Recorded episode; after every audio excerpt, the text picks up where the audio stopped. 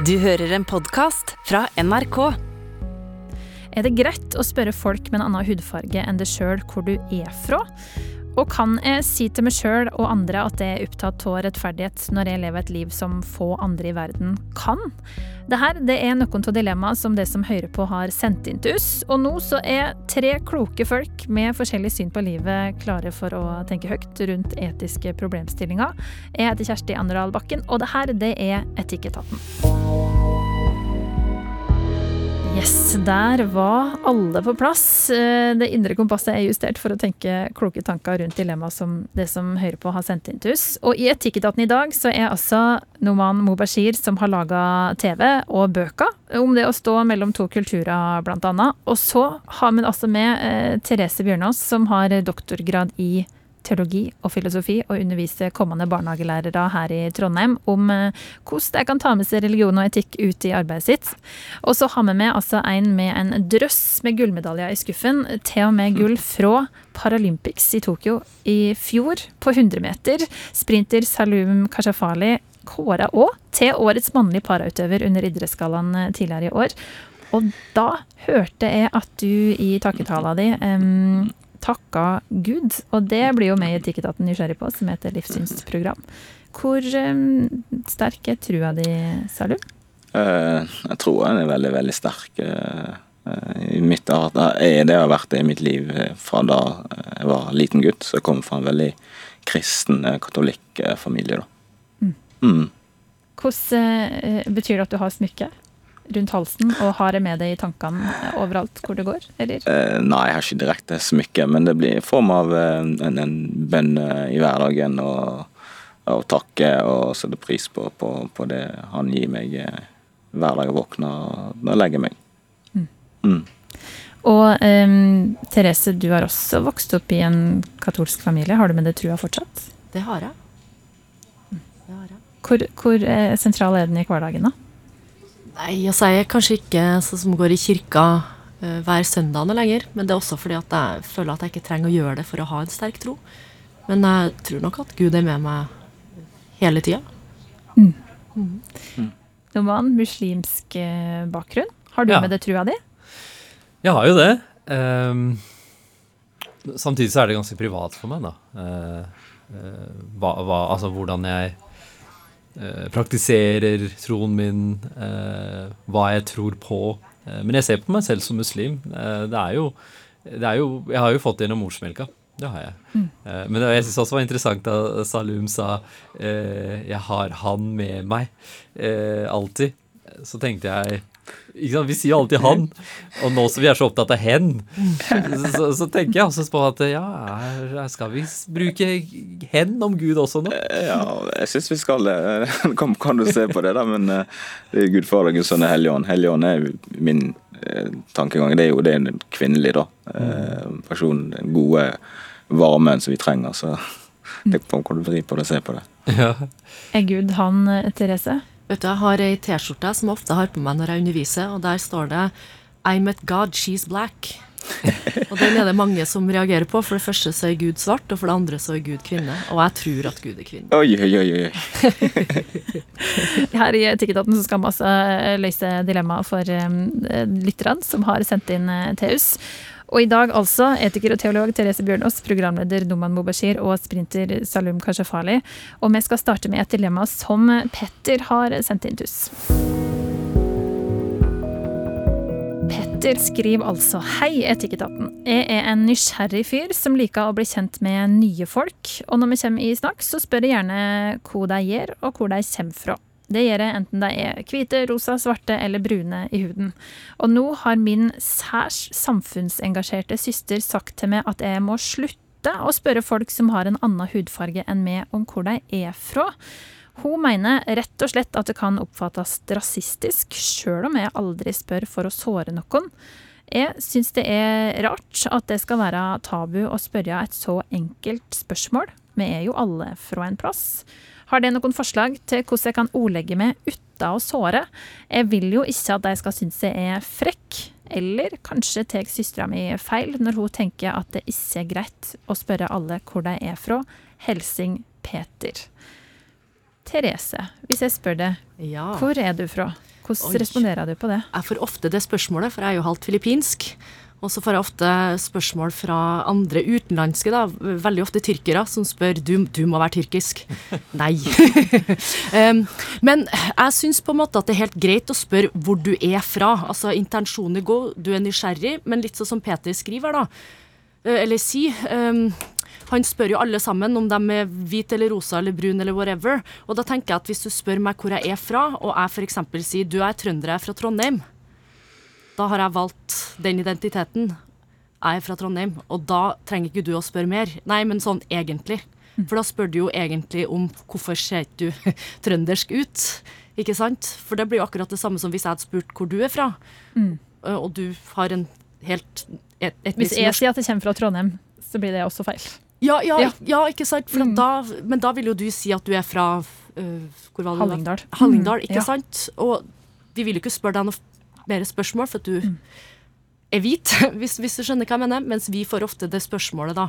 Ja, men sånn egentlig fordi at vi er brun. Så jeg tenker at når jeg har valgt å si du er fra Trondheim, leave it, på en måte. Da har jo jeg sagt hvor jeg er fra. Mm. Og da er det kanskje ikke så veldig mye vits å spørre hvor du er egentlig fra. Men så tenker jeg også at folk er da, sånn som Peter, nysgjerrig på men hvor er utseendet fra. Men da tenker jeg kanskje vi skal bli litt bedre kjent, da. Mm. Og da kanskje at det spørsmålet kan komme Ja, men har du kanskje en mor fra, eller en pappa fra, eller hvor er foreldrene dine fra, osv. Mm. Jeg tenker at det blir det mest riktige, da. Ja. Salim, hvordan reagerer du hvis noen spør hvor, hvor er du fra? Det er sånn todelt. Når, når folk spør hvor jeg er fra, så er jeg fra Bergen. Uh, men så spør jeg hvilket land kommer du fra, sier de. Uh, så jeg er født fra Kongen, men jeg er etnisk norsk. Jeg er fra Norge. Jeg deler samme syn og verdier, uh, i og med at jeg bodde over halvparten av livet mitt i Norge. Men bakgrunnen min er, er utenlandske eller afrikanske kongoleser, da. Så da retter jeg egentlig rett og slett på de at jeg eh, istedenfor å spørre hvilket land det kommer fra, spør hvilken bakgrunn kommer det fra. ikke sant? Eh, Jeg føler det er mm, riktig for meg når folk spør meg hvor, hvor fra, hvilken bakgrunn jeg har, og hvilken estetet føler du du hører til. da, For da er det litt mye dybden for å ha det virkelig lyst til å bli kjent med, istedenfor bare å spørre sporadisk hvor, hvor du er fra. da. For det, det har med hva du legger i spørsmålet, hvordan du, man ordlegger seg, liksom. For det, da. Hvor legger du i, i etnisk eh, norsk, da? Hvor tenker du at det er inneholdt? Eh, Etnisk eh, direkte tolkende betyr en, en, en del folkesamfunn som deler samme verdi og syn i, i et samfunn. Det er etnisitet, hvis man skal direkte tolke det. da. Så da er jeg med med at vi alle i Norge deler samme syn eh, på samfunn, eller verdier og holdninger som, som den det norske velferdssamfunnet har, så, så er, vi, er vi norske. Eh, Det er det jeg mener. da. Og så har jeg utenlandsk bakgrunn i meg. at jeg har jeg er født i annet land, og så i tillegg til det så har jeg utenlandske foreldre. Så når min søster på 17 som er født i Norge, hun sier at jeg er norsk, men har utenlandsk bakgrunn eh, eh, pga. Eh, hvor foreldrene er født. da. Nomana, hvordan, hvordan reagerer du hvis noen spør hvor, hvor kommer du fra? Da sier jeg eh, fra Lørenskog, for jeg er jo født og oppvokst i Lørenskog, i Norge. Eh, men ofte så forstår jeg jo da intensjonen bak spørsmålet. Og så tenker jeg også da at eh, vedkommende må være fornøyd med det svaret de får, fordi at eh, jeg må jo få lov til å definere min egen identitet. Men jeg ser litt an hvem eh, som stiller spørsmålet. Nå er det ikke slik at folk med innvandrerbakgrunn eller utenlandsbakgrunn selv er noe mindre nysgjerrig enn den vanlige nordmann. Jeg får ofte spørsmål med, fra folk med utenlandsbakgrunn eh, som spør eh, hvor kommer du fra? Og da vet jeg jo selvfølgelig hva vedkommende eh, spør om. Og da sier jeg ofte Pakistan. Fordi da vet jeg hva de lurer på. Eh, hvis det er en syrer eller afghaner eller en inder eller pakistaner selv som spør, og hvis det er en pakistaner som spør, la oss en taxisjåfør, så følger de gjerne opp med spørsmålet Men hvor i Pakistan kommer du fra? og da blir jeg litt irritert, fordi da blir jeg litt sånn Ja, men jeg er jo ikke fra Pakistan. Jeg er fra Norge. Jeg er født og oppvokst her. Ja, mine foreldre er derfra. Eh, samtidig så er det mange måter å stille det spørsmålet på. Noen, det er litt sårt for noen mennesker, fordi de har fått det spørsmålet veldig mange ganger opp gjennom årene, og det handler veldig mye om hvilken bagasje du, eh, du sitter med. I USA så har jeg fått spørsmålet eh, Where are you from? Og så sier jeg Norway. Oh, great. Uh, so where are you folks from? Det syns jeg er fin, en fin måte å spørre på. Og da sier jeg fra Pakistan. Og da svarte mannen Oh, I've been to Iraq. Og da må du jo le litt, da, fordi da er de ikke så flinke på geografi, da. Uh, og så er det jo andre land hvor f.eks. det å spørre om etnisitet er helt greit, men du spør ikke om folks lønn. Uh, eller du spør ikke om hva folk jobber med. Eh, jeg husker jeg var på en date med en russer en gang, og vedkommende spurte aldri hva jeg gjør i hverdagen. Og til slutt så spurte jeg ehm, Du har ikke spurt hva jeg jobber med? Og så sier eh, han ja, men ehm, det spør vi ikke om i Russland. Det er liksom litt sånn fornærmende, det. Det er jo akkurat like fornærmende som om jeg skulle spurt eh, programlederen hvor gammel du er. For det gjør vi ikke i Norge heller, og i hvert fall ikke en dame. Så de kan tenke at det burde være greit å spørre eh, hvor kommer du fra? Eller kan han liksom smoothe det til? Fordi jeg kjenner sånn em, For eksempel, jeg har studert musikk. Kjempeinteressert i afrikansk musikk. Tenke, kan tenke når jeg treffer eh, Salum Oi, kanskje han har noen kule musikktips til meg. Men for alt jeg vet, så kan du eh, ikke ha bodd i Afrika eller vært der i det hele tatt. Er det noen måte å gå fram på uten å liksom tråkke i noe sånn fordomsfullt bed? Therese. Ja, men jeg føler også på en måte at når folk spør men hvor er du fra, så, og hvis jeg sier Trondheim, og så kan de f.eks. si ja, men hvor er du egentlig fra, så sier jeg ok, jeg er halvt filippinsk, og så stopper det der. De har jo egentlig ikke noe spørsmål utover det. Og da tenker jeg, hvorfor er du så nysgjerrig på hvor jeg er fra? Du følger jo ikke opp i det hele tatt. Og da, da tenker jeg også litt sånn eh, det at folk spør men hva, hva gjør du? Og hvis jeg f.eks. sier ja, du er førsteamanuensis i etikk, og da på en måte ruller jo det videre til at å, etikk, ok, hva gjør du da? Og så har vi på en måte en litt sånn smalltalk-samtale rundt det, og så blir vi kjent. Men ofte når jeg får spørsmål men hvor er du egentlig fra, og jeg sier halvt filippinsk, punktum, det er ikke, det er ikke noe oppfølgingsspørsmål. De er jo egentlig ikke da interessert i hvor jeg er fra, de skal egentlig bare plassere hudfargen min. Ok, så da var du kanskje ikke tyrkisk lell. ikke, ikke sant? Og da, eh, men jeg tenker jo selvfølgelig skal man jo få lov til å være nysgjerrig, men um, Vil du at folk skal stille deg mange spørsmål etter det? Ja, altså jeg tenker liksom Hvis jeg sier at jeg er halvt filippinsk, så hadde jo altså da, da, da, vil jeg jo på en måte at det skal bety noe om hvorfor du spurte. Det er derfor det er viktig å formulere seg på riktig måte, så vi får mest mulig informasjon ut av. Ja, at da må vi jo kanskje kunne hatt en samtale rundt det. da. Å ja, ok, Så mora di er fra Filippinene, er fra Manila, da? Eller, eller hvor? Som oftest, hvis folk følger opp seg sånn Hvor er Filippinene? Så, så, så det blir jo litt sånn eh, Har du spist masse filippinsk mat? Eller i, i, i barndommen Mm. et eller annet sånn, men i hvert fall følg det opp istedenfor å bare Ja, men hvor er du egentlig fra? Ok, punktum. Og så går vi videre, på en måte. Da blir hvor, hvor, Hvorfor spurte du da? Da ville du egentlig bare vite hvor, hvorfor jeg ikke er hvit. Jeg skjønner det, akkurat som i dag. er selvfølgelig For alle spør hvordan går det, hvordan går det, så er det egentlig ikke tid til å ta tid, det har egentlig ikke tid til å sette seg ned og faktisk høre hvordan det går hvis det faktisk ikke går bra. Eh, Det, det blir bare for, for å si hei. Sånn, men, men, så det er viktig det du sier. at det, Hvorfor spør du hvor jeg er fra når du ikke Jeg, jeg tror jo at de aller fleste, la oss si nordmenn, eh, stiller det spørsmålet fordi at det er en helt vanlig eh, måte å, å, bli kjent på. Altså, altså Det er en vanlig del av en samtale. Jeg har jo vært på x antall fester, og da spør jo folk eh, vedkommende som de står sammen med, eh, hvor er du fra i landet? Eller eh, er du fra Oslo? Eller den der dialekten din, er det, er det Ålesund? Og jeg gjør også det nå. Altså Jeg spør folk hvor de er fra i Norge. Så jeg tror egentlig ikke det er så vondt ment. Det er bare litt nysgjerrighet. Og så tror jeg at en del nordmenn også er redde for å grave for mye. Fordi da kan man virkelig fornærme vedkommende. Eh, hvis du spør da eh, Ja, er det moren eller faren dine som er fra Filippinene? Ok, men når kom hun hit, da? Ok, Men er du født der eller her? Ok, Snakker du filippinsk? Eh, det kanskje heter ikke filippinsk, hva heter språket? Ja, det heter tagalo, ja. Ok. Og så, og så blir det masse spørsmål, og så kanskje man Da blir det nesten litt sånn slalåmkjøring, altså. Ja, men, men, men, men da tenker jeg litt sånn at vi kan jo altså sånn, Jeg tror at vi er enige om at det er greit å spørre. Altså Peter, for all del, spør hvor folk er fra.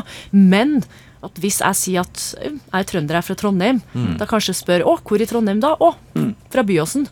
Fordi at da har jeg på en måte valgt å si hvor jeg er fra. Da Ja, ja. trenger man kanskje ikke da å si nei, nei, nei, det var ikke, jeg er ikke fornøyd med det svaret. Du er jo ikke fra Trondheim. Nei, ikke sant. altså i fare for å nå, nå bare stelle meg sjøl i, i, salaten, tror jeg, eh, først som sist. fordi når vi nå diskuterer det her spørsmålet i Etikketaten, så er det jo et poeng at alle dikkon som er her, er Og her kommer utfordringa. Fleirkulturell. Ikke nødvendigvis. Eh, altså, Dikkon er jo nordmenn. Eh, hva skal en si? Hva er altså, melaninrik? Det føler jeg i hvert fall er for litt sånn Leksikon. ah, det er litt for politisk korrekt å si det. Ikke-etnisk norsk har vi skjønt ikke heller rett. Hva ville dere sagt? Uh, Andregenerasjonsinnvandrer. Det er et ord vi ikke skal bruke, tenker jeg, da. Uh, jeg er jo ikke innvandrer. Jeg er født her. Så det ordet er bare sånn That's out. Så, men jeg tenker selv igjen, da jeg må få lov til å definere meg selv, og jeg ser på meg selv som norsk. Men min norskhet innbefatter også at jeg har pakistanske røtter, som jeg er veldig stolt av. Eh, jeg er muslim, og jeg er lørenskoging, og jeg er Oslo-borger, og jeg er skandinav, og jeg er mm. europeer. Så jeg tenker at alle må få lov til å gjøre det. men at vi også da er norske. For det gjør oss sterkere. Det knytter oss mer sammen som nasjon, og vi får mindre polarisering. Nå hørtes jeg ut som en politiker. Der har du gjort det godt, så. Ja, er du enig, Salim? Jeg, jeg, jeg, jeg er delvis enig i det han sier. Um, det går, begynner å si at vi alle er norske, ja. Uh, men for å spørre meg, så har jeg lyst til at at jeg skal få definere meg sjøl hvor jeg er bergenser. Jeg eh, har samme verdi og syn på livet i Norge. men og så kan du gjerne spørre meg hvor eh, mine foreldre er fra, og så kan vi ta en samtale rundt hele greia på om du har lyst til å bli kjent med eller ikke. Mm. mm. Jeg er enig. Ja. Du må liksom bli litt kjent først. Absolutt. Ja. Mm. Men, men, når jeg har vært i Afrika, i forskjellige land, så spør de liksom 'Where are you from?' Og så sier jeg Norge. Og så liksom hører jeg rett bak ryggen min, så sier de 'Mohindi'. og, og det, da sjekket jeg hva er det de sier for noe? Og så hørte jeg at de sa om kollegaen min, så er jeg sånn blond og blåøyd. Mozongo. Ja, det er det. så vi er jo sånn i hele verden. Og mozonga er Salim, nå må du korrigere meg, men det er vel det ordet man bruker om hvite mennesker Stemmer. Eh, i Afrika. Og mohindi er folk som har bakgrunn i India, eller subkontinentet India. Helt riktig. Ok, Så der også er det viktig å liksom plassere?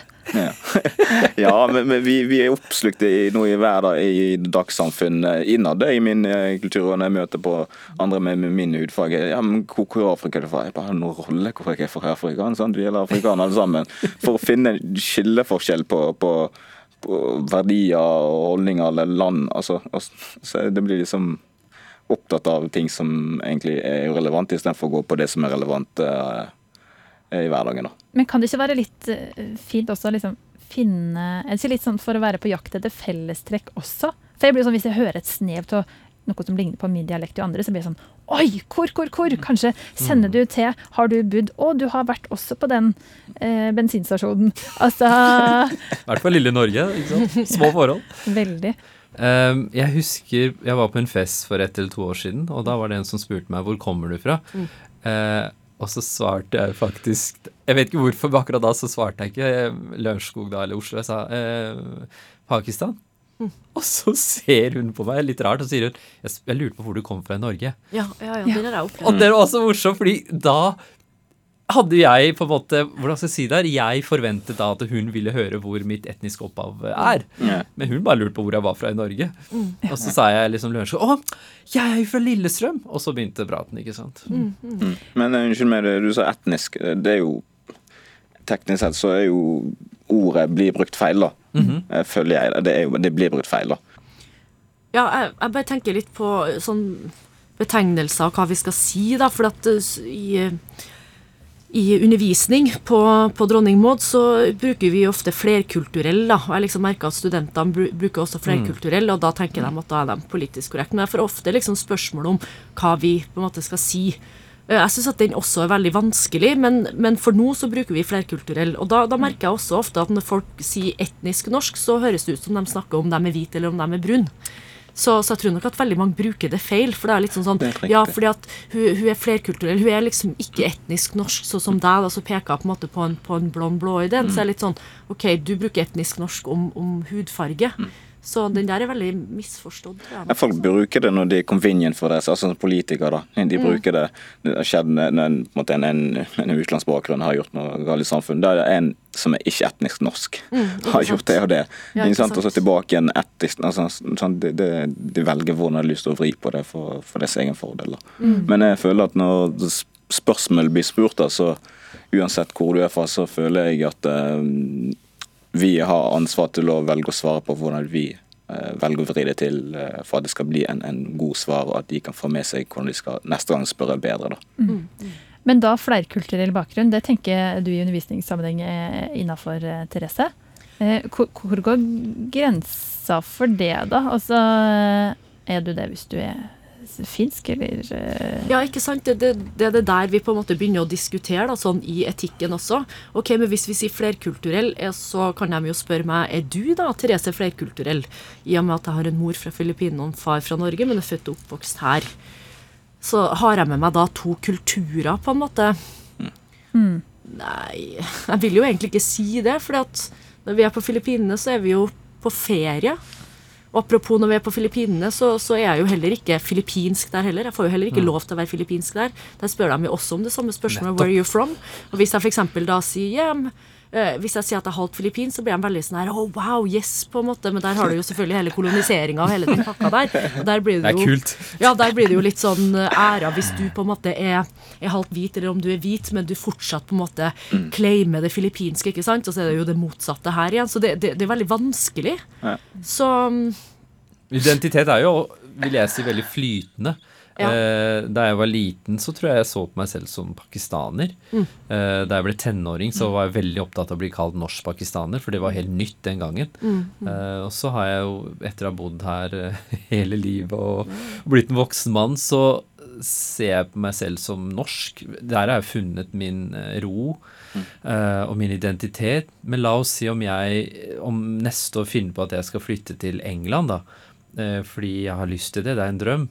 Og så blir jeg boende der i 20 år. Da blir det jo spennende å se om jeg fortsatt ser på meg selv som norsk. Eh, eller om jeg er norsk-pakistaner, eller om jeg er British-pakistani, eller om jeg er Norwegian-British. Men, men, men jeg tror at grunnen til at det er så sårende kanskje å høre det men hvor er du egentlig fra, det blir jo akkurat det her med identitet. Du tar, du tar nesten ifra meg identiteten min når du spør meg men hvor er du egentlig fra, på en måte. Og så er det jo flere filosofer i hvert fall som mener at en identitet er det jo ikke du som lager sjøl, det er jo dem utenfra som på en måte skaper identiteten din. Eh, og når du hele tida på en måte får høre at du f.eks. er dum da, hele tida, så til slutt så tror du jo at du er dum, da. Ikke sant? Men, eh, men eh, samtidig så tenker jeg at hvis jeg hele tida får høre utenfra at nei, men du er jo fra Filippinene. Ja, hun fra Filippinene. Jeg hadde jo til og med Jeg var veldig glad i, i DDE når jeg gikk på ungdomsskolen. Jeg husker liksom da jeg kom på videregående, så var det ei som flira av meg for at jeg likte DDE. Og så jeg skjønte ikke helt, jeg trodde jo at det var fordi at det var DDE. Men hun var litt sånn Hæ, hører du på DDE? Du er jo ikke norsk engang. Ja. Ikke, ikke sant? Med en gang så tar du jo fra meg min identitet. um, som på en måte er egentlig så sterk, da, og til slutt så på en måte føler du deg nesten litt sånn identitetsløs. Jeg tror nok at det er det det ligger i. Det er nok ikke den Hvor er du fra? Så sånn jeg tenker at veldig mange nordmenn Nordmenn ser på det som bare intensjonen min er god, jeg er bare nysgjerrig. Men for oss som kanskje har en annen hudfarge, så betyr det så veldig mye mer. Men det at du nå sier nordmenn eh, Ja. altså Vi har jo et behov for å klassifisere, og det skal vi jo egentlig ikke gjøre, sett i bås, men jeg spør jo også hvordan tro har du, hvordan religion også stempler med? Sett i bås, liksom sortere litt. Det er noe sånn menneskelig å liksom sortere, da. Uh, og så er vi på, forhåpentligvis på vei dit at uh, den boksen med nordmenn er bare veldig omfangsrik og stor.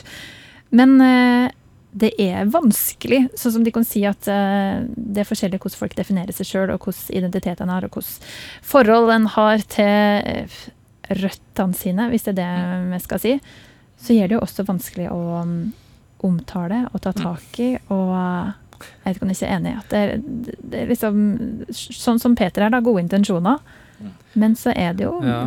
Man må ikke bli for redd for å ta tak i det og stille spørsmåla heller, da.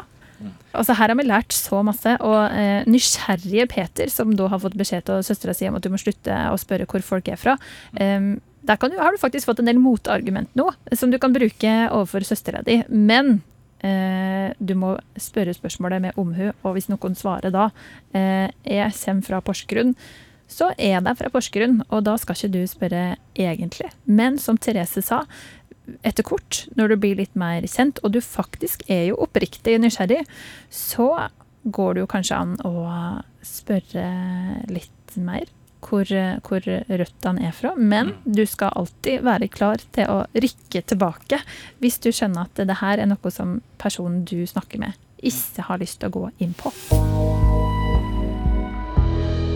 Ok, Det er altså Etikketaten som eh, du hører på. Tre folk sitter her med forskjellig syn på livet, som har fått i oppgave å gi eh, råd og kloke tanker rundt eh, etiske dilemmaer som det som hører på sendeintus. Og e-postadressa er altså etikketaten krøllalfa nrk.no. Og så kan jeg jo gjenta navnene på deg som er her. Programleder Noman Mobashir. Og så har vi da er det Norges raskeste mann? Salum farlig? Det stemmer det, Frøken. Yeah. Det er så kult. Og Therese Bjørnås som har eh, doktorgrad i teologi og filosofi. Ok, Vi skal inn i neste spørsmål, og det kommer da fra Fredrik, som skriver jeg er en ung homofil mann som bor i en større by. Jeg har kjent meg masse ensom i det siste, men eh, for ei tid siden så fikk jeg heldigvis kontakt med et nytt miljø, med en gjeng med samme interesse, og jeg har blitt spesielt god venn med en muslimsk fyr på samme alder. Vi har hatt mange fine samtaler, spesielt om å kjenne på ensomhet og utaforskap, men jeg hører òg at han er nokså konservativ. En gang vi møttes, så diskuterte vi Gud og tru, og da sa han blant annet at Allah aksepterer nok ikke homofile mennesker. Ingen i gjengen sa han mot, heller ikke jeg, og nå kjenner jeg meg skikkelig feig. Jeg burde jo fortalt at jeg er homofil og har det helt greit med min gud, men jeg orka ikke. Eller kanskje jeg ikke turte. Det her, det gneger meg. Jeg møter han nok snart igjen. Har det noe for seg å si det som det er, eller skal jeg droppe å si det, og heller ta vare på vennskapet sånn som det er nå.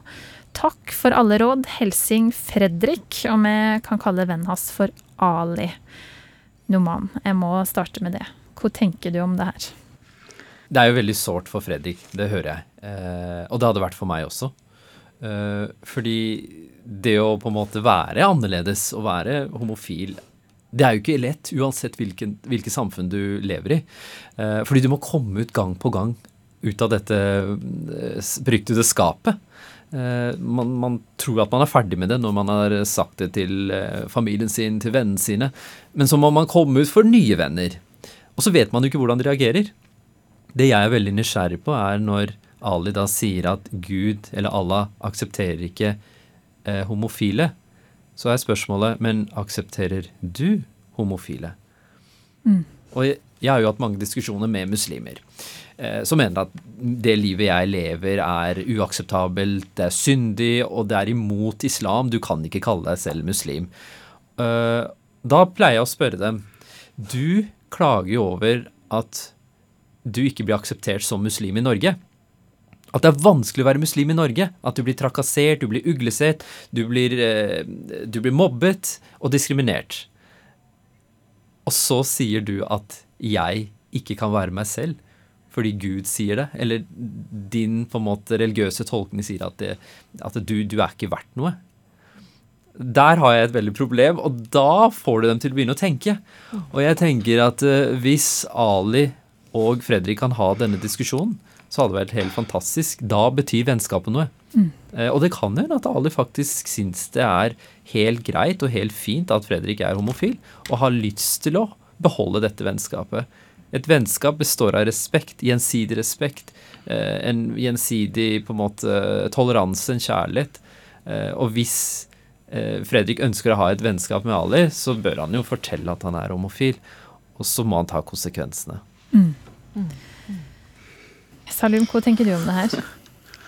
Uh, nei, jeg syns noe man la frem på en fin måte, uh, egentlig. Uh, når alle sier Uh, sier til Allah sier at uh, aksepterer ikke homofile, så blir han uh, spurt uh, aksepterer du jo homofile. da?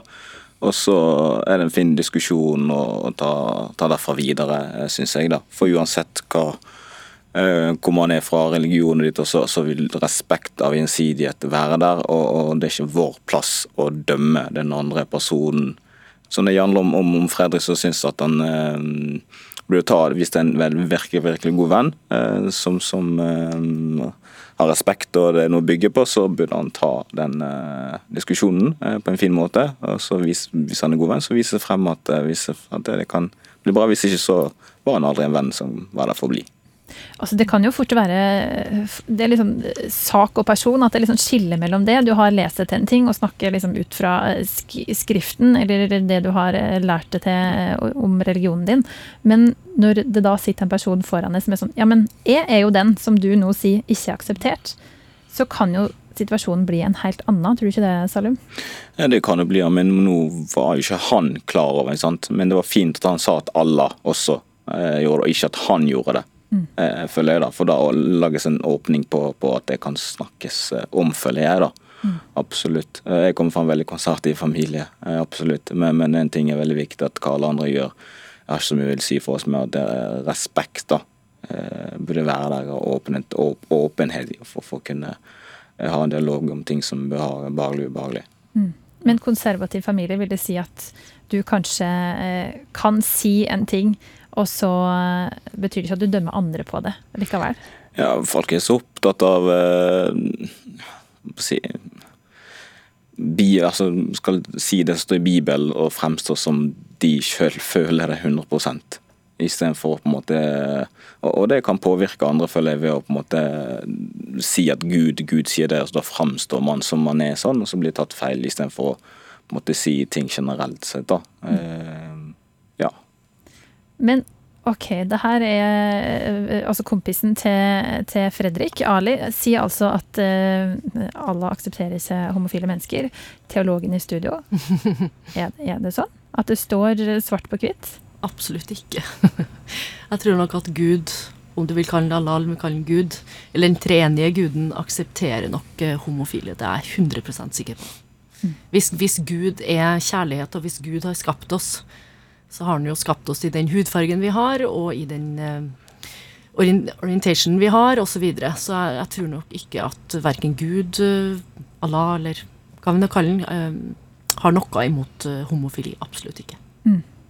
Har du noe eh, altså, Fordi når du tar denne praten, eh, Noman, med, Ja. med folk rundt deg, så kan du skjønne litt at Fredrik bare åh, jeg orka ikke. Krever det ikke ganske masse av det å liksom gå inn i det? Det er tungt øh, å vokse opp som homofil øh, og, komme ut og fortelle til alle rundt deg. Selv om vi bor i Norge, hvor det er såpass på en måte enkelt da, i forhold til veldig mange andre land, øh, så er det tungt nok. Så jeg forstår Fredrik veldig godt. Uh, og så har han funnet en fantastisk person, da, det ser det ut som, som han kan bli en god venn med, og som han har gode samtaler med, men som han ikke tør å ta denne viktige samtalen med. Men jeg håper virkelig, Fredrik, at du gjør det. Fordi at uh, uh, du er fortsatt ung. og du kan få mange andre venner som er mye, mye bedre, hvis det viser seg da at alle ikke syns det her er noe ålreit. Jeg må ærlig innrømme en ting som jeg syns er vanskelig. Når jeg snakker med eh, muslimske venner eller bekjente, så sier mange Og det her gjentar seg. Så det virker nesten som om de helgarderer seg litt. Fordi de sier eh, 'Dette er mellom deg og Gud', eller at skal, 'Jeg har ingen rett til å dømme homofile'. Eh, 'Ingen er perfekte'. Og da tenker jeg Betyr det da at du innerst inne egentlig ikke aksepterer homofili eller homofile, men i poli den politiske korrekthetens navn, og siden vi bor i Norge, så sier du dette er mellom deg og Gud, og jeg har ikke noe rett til å dømme deg. For da, da vet jo ikke jeg om jeg kan ha et godt og, og, og, og, og trygt og fint vennskap med deg, når du kanskje innerst inne ikke aksepterer meg. Men da må du ta de, de samtalene når du sitter og lurer på de spørsmålene. Synes det er veldig viktig å ta de da.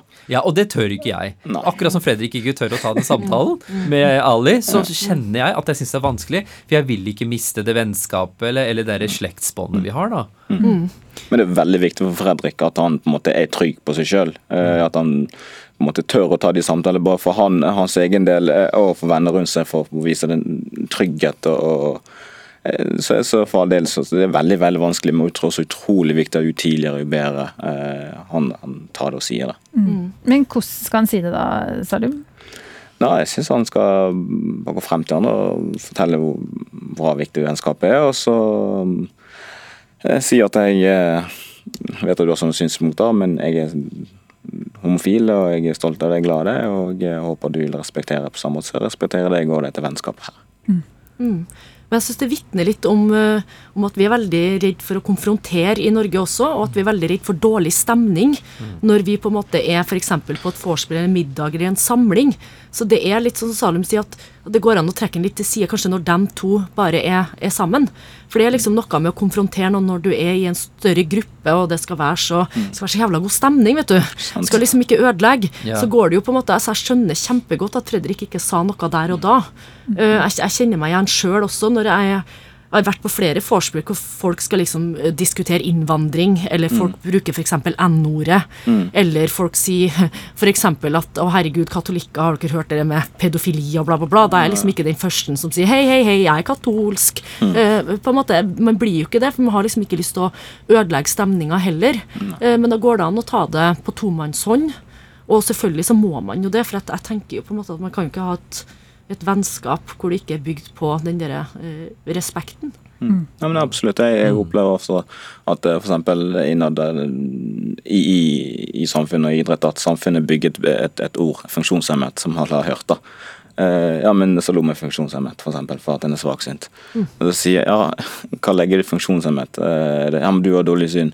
Ja, men funksjonshemmet er faktisk, det kan alle bli i samfunnet hvis ikke jobben er samfunnet tilrettelegger for at jeg skal gjøre best mulig arbeid, du skal gjøre best mulig arbeid. Det er funksjonshemmet. Jeg har nedsatt funksjon som gjør at enkelte ting er vanskeligere, men, men du kan ikke legge med det båten at jeg er ikke sant, sånn og sånn og sånn. Ikke sant? Så du må ta de kampene eh, som er veldig veldig viktige, og da ta personen til side, eh, som Therese sier. Eh, jeg har lyst til å legge til, eller jeg har veldig lyst til å fortelle Fredrik at jeg har møtt mennesker tidligere i livet eh, som jeg har blitt venn med, eller vært kollega med, eller blitt kjent på, med, på andre måter med, som har innrømmet senere at eh, de faktisk eh, ikke syns homofili var ålreit, eller syns homofile var noe som, som ikke var akseptabelt, som de hadde problemer med. Men etter at de har blitt venner med meg, eller har blitt kjent med meg, så har de forandret mening. Eh, og det syns jeg er fantastisk, da, for jeg tenker at alle må få en second chance. Uh, og hvis man Og det altså, samme handler jo om også dette med Som vi har snakket om dette med hudfarge og bakgrunn fra et annet land. At folk kan ha masse fordommer mot f.eks. muslimer. Eller katolikker. Eller afrikanere. Uh, og så når du blir kjent med vedkommende, så kan du faktisk forandre mening. Eh, og det er jo fantastisk. Ja, jeg synes det er veldig bra. Jeg må bare legge til på slutten at jeg, av egne erfaringer så har jeg en eh, eh, den, den nær familievenn også, som kom ut da eh, som homofili eh, et par år siden. Og det var utrolig vanskelig for vedkommende å komme ut, og var redd eh, tross for, for den religion og kultur vi kommer fra. da.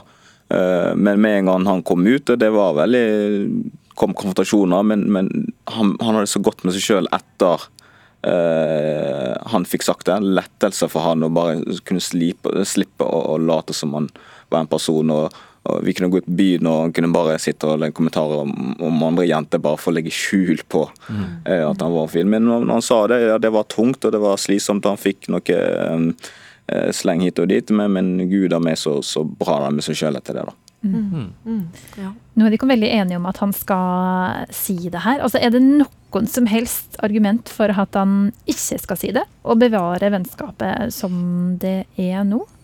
Therese syns du liksom rista litt på hodet. Nei, for da tenker jeg at det blir jo et vennskap basert på, på løgn, da. Apropos identitet, apropos hvem du er, på en måte. Fredrik, eh, som også har en eh, venn som er muslim, som du er redd er skeptisk til at du er homofil. Altså, her har du fått så mange gode argument at det høres ut som egentlig du må henge veldig masse med Ali, fordi her kan det gjøre en stor forskjell.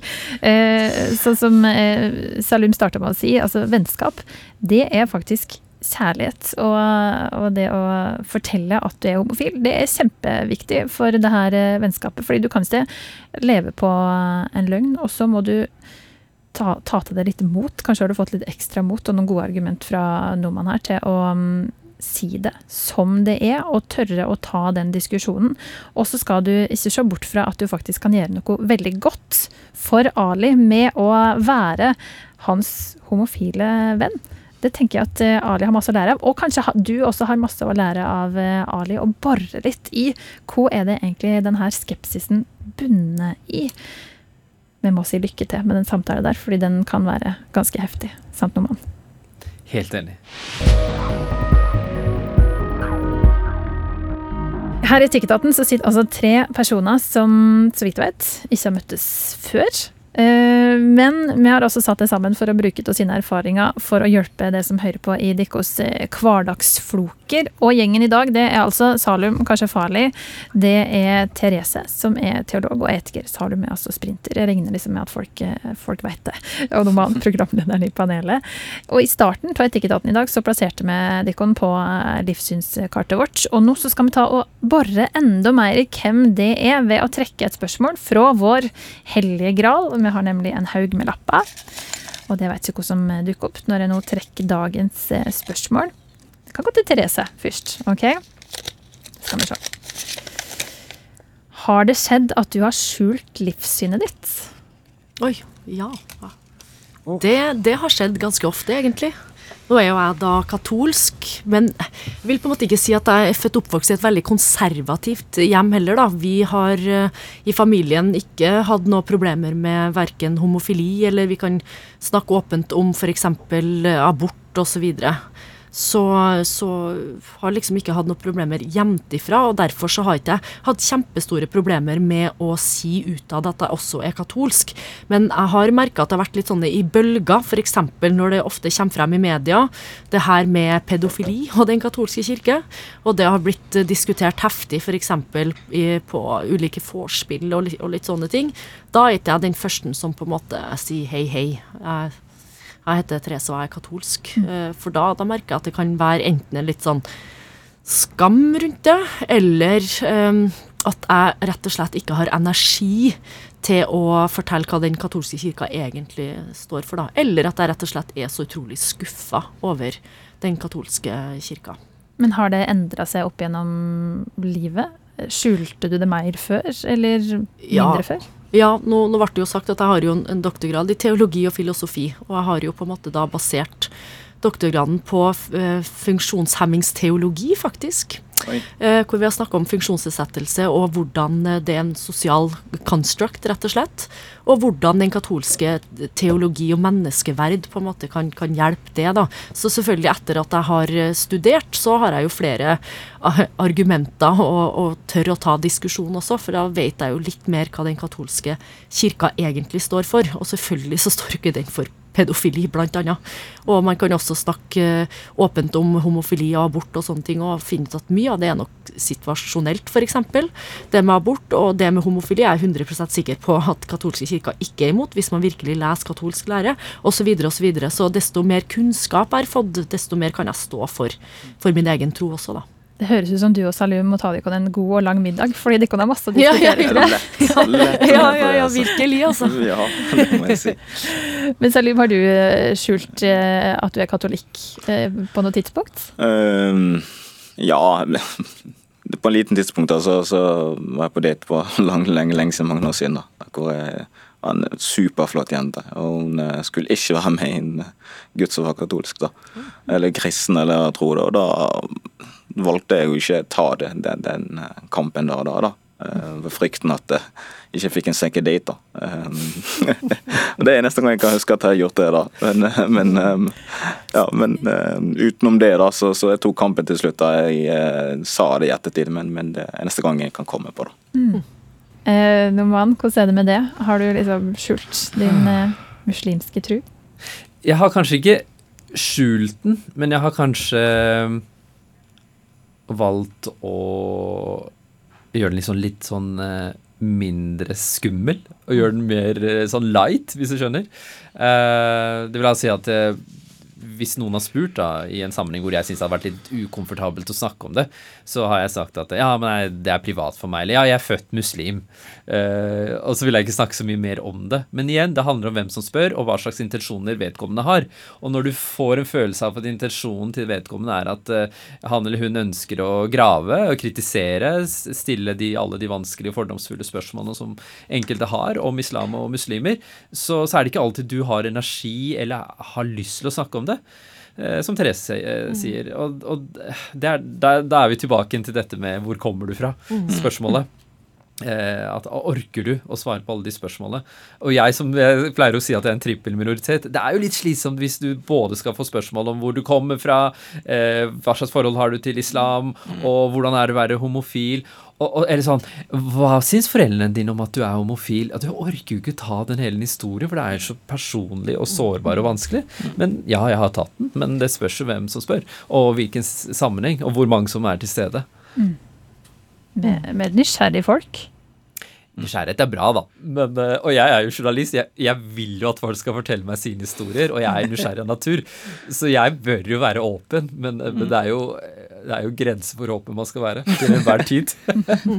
det vi snakker om her, er jo også ganske personlig. Ja. Absolutt.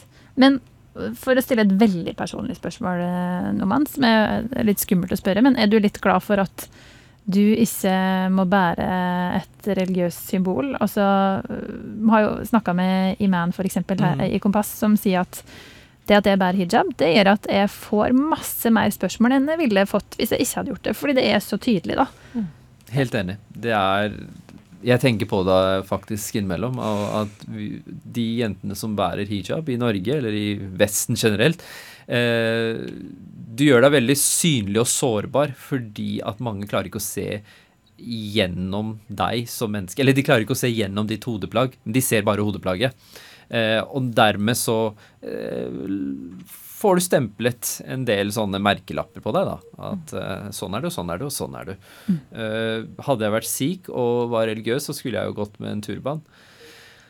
Da kan du regne med at du får en del spørsmål, og ja, at det dukker opp en del tanker i de menneskene som møter deg, da, eller går forbi deg på gata.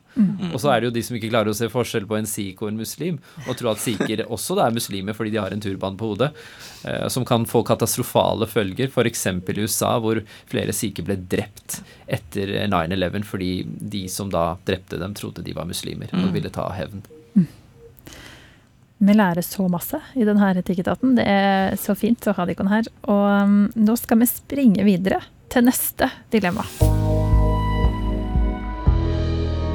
Vi skal eh, ta opp ett dilemma til i Etikketaten her i dag. og Det handler om noe så vanskelig og provoserende som urettferdighet. Eller kanskje handla det om rettferdighet. Eh, Vi har også en eh, etiker, en sprinter og en programleder her i dag. Therese Bjørnås, Salum Kashafali og Noman Mobashir. Og Thomas skriver altså det her til oss på e-post til etikketaten krøllalfa nrk.no.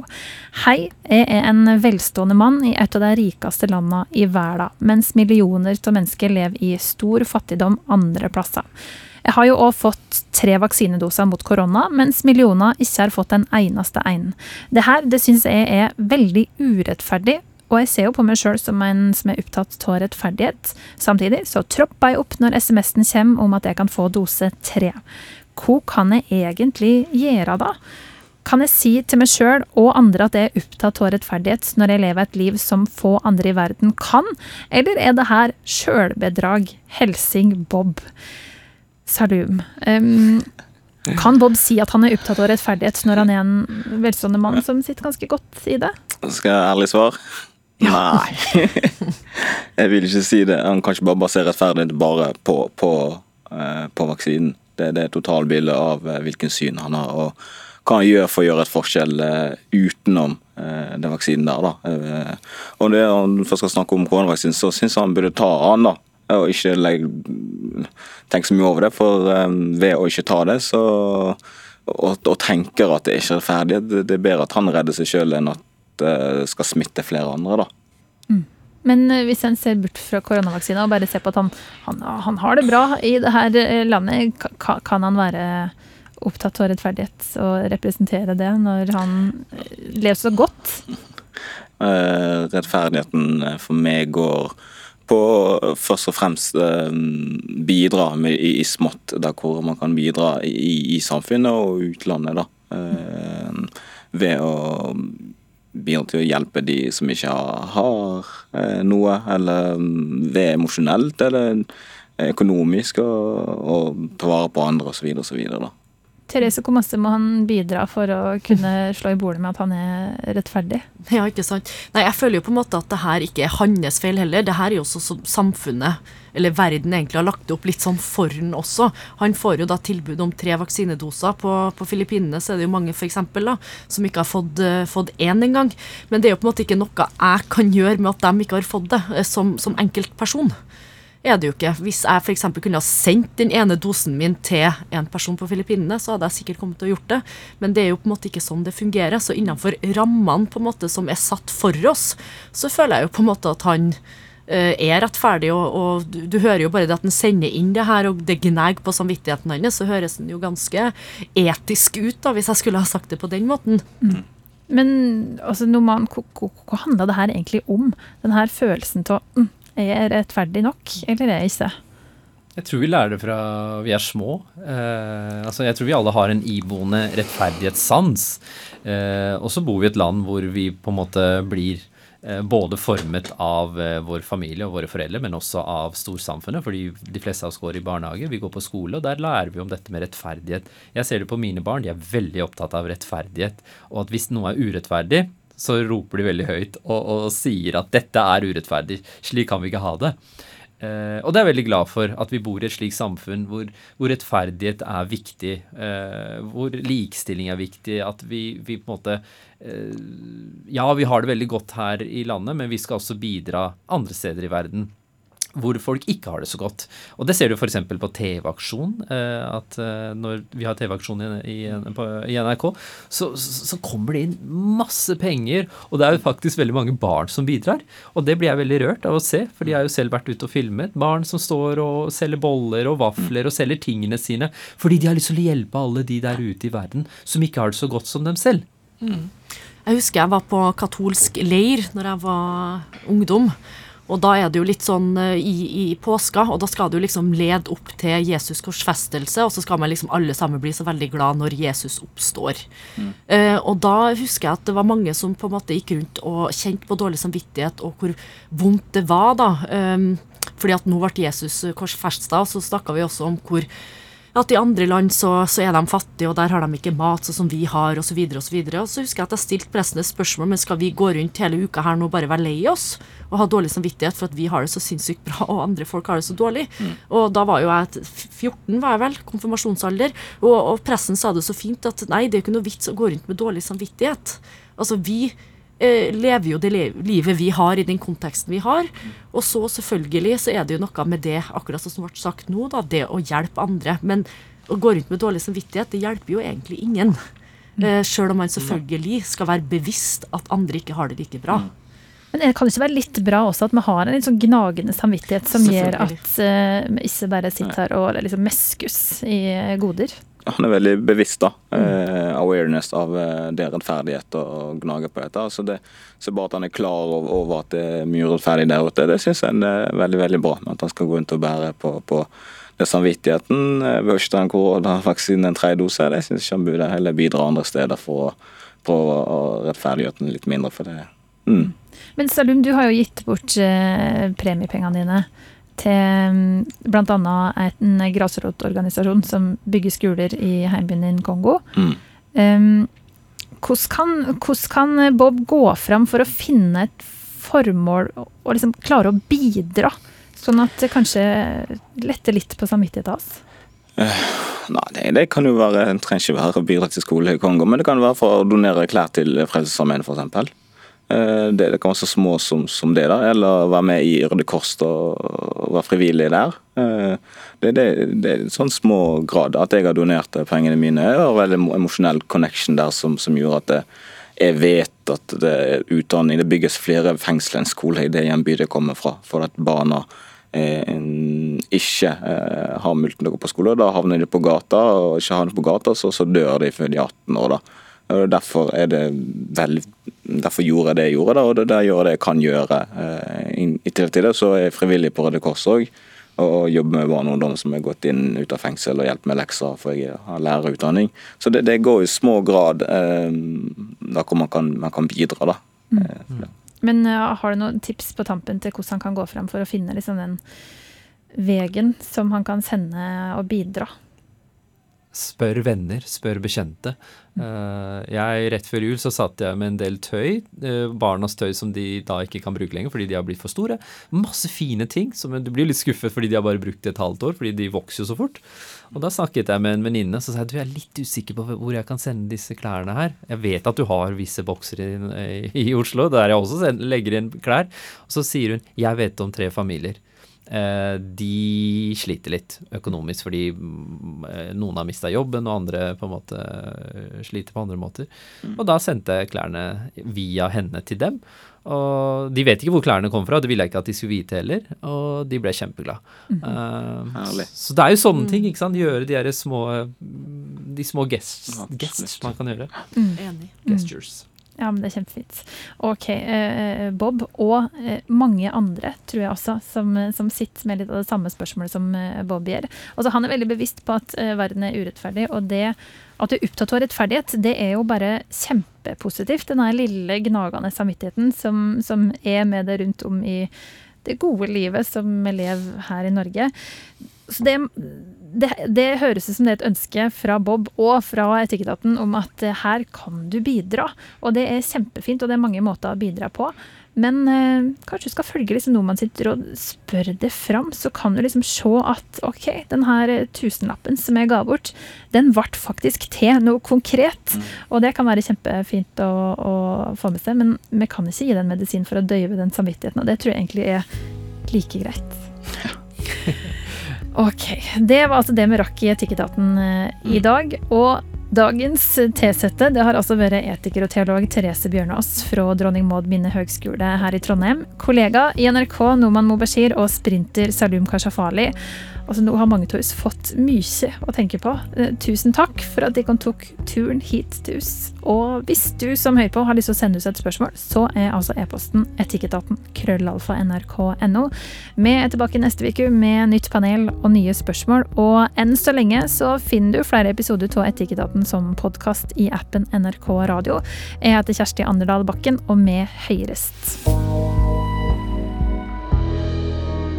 Du har hørt en podkast fra NRK. Hør flere podkaster og din NRK-kanal i appen NRK Radio.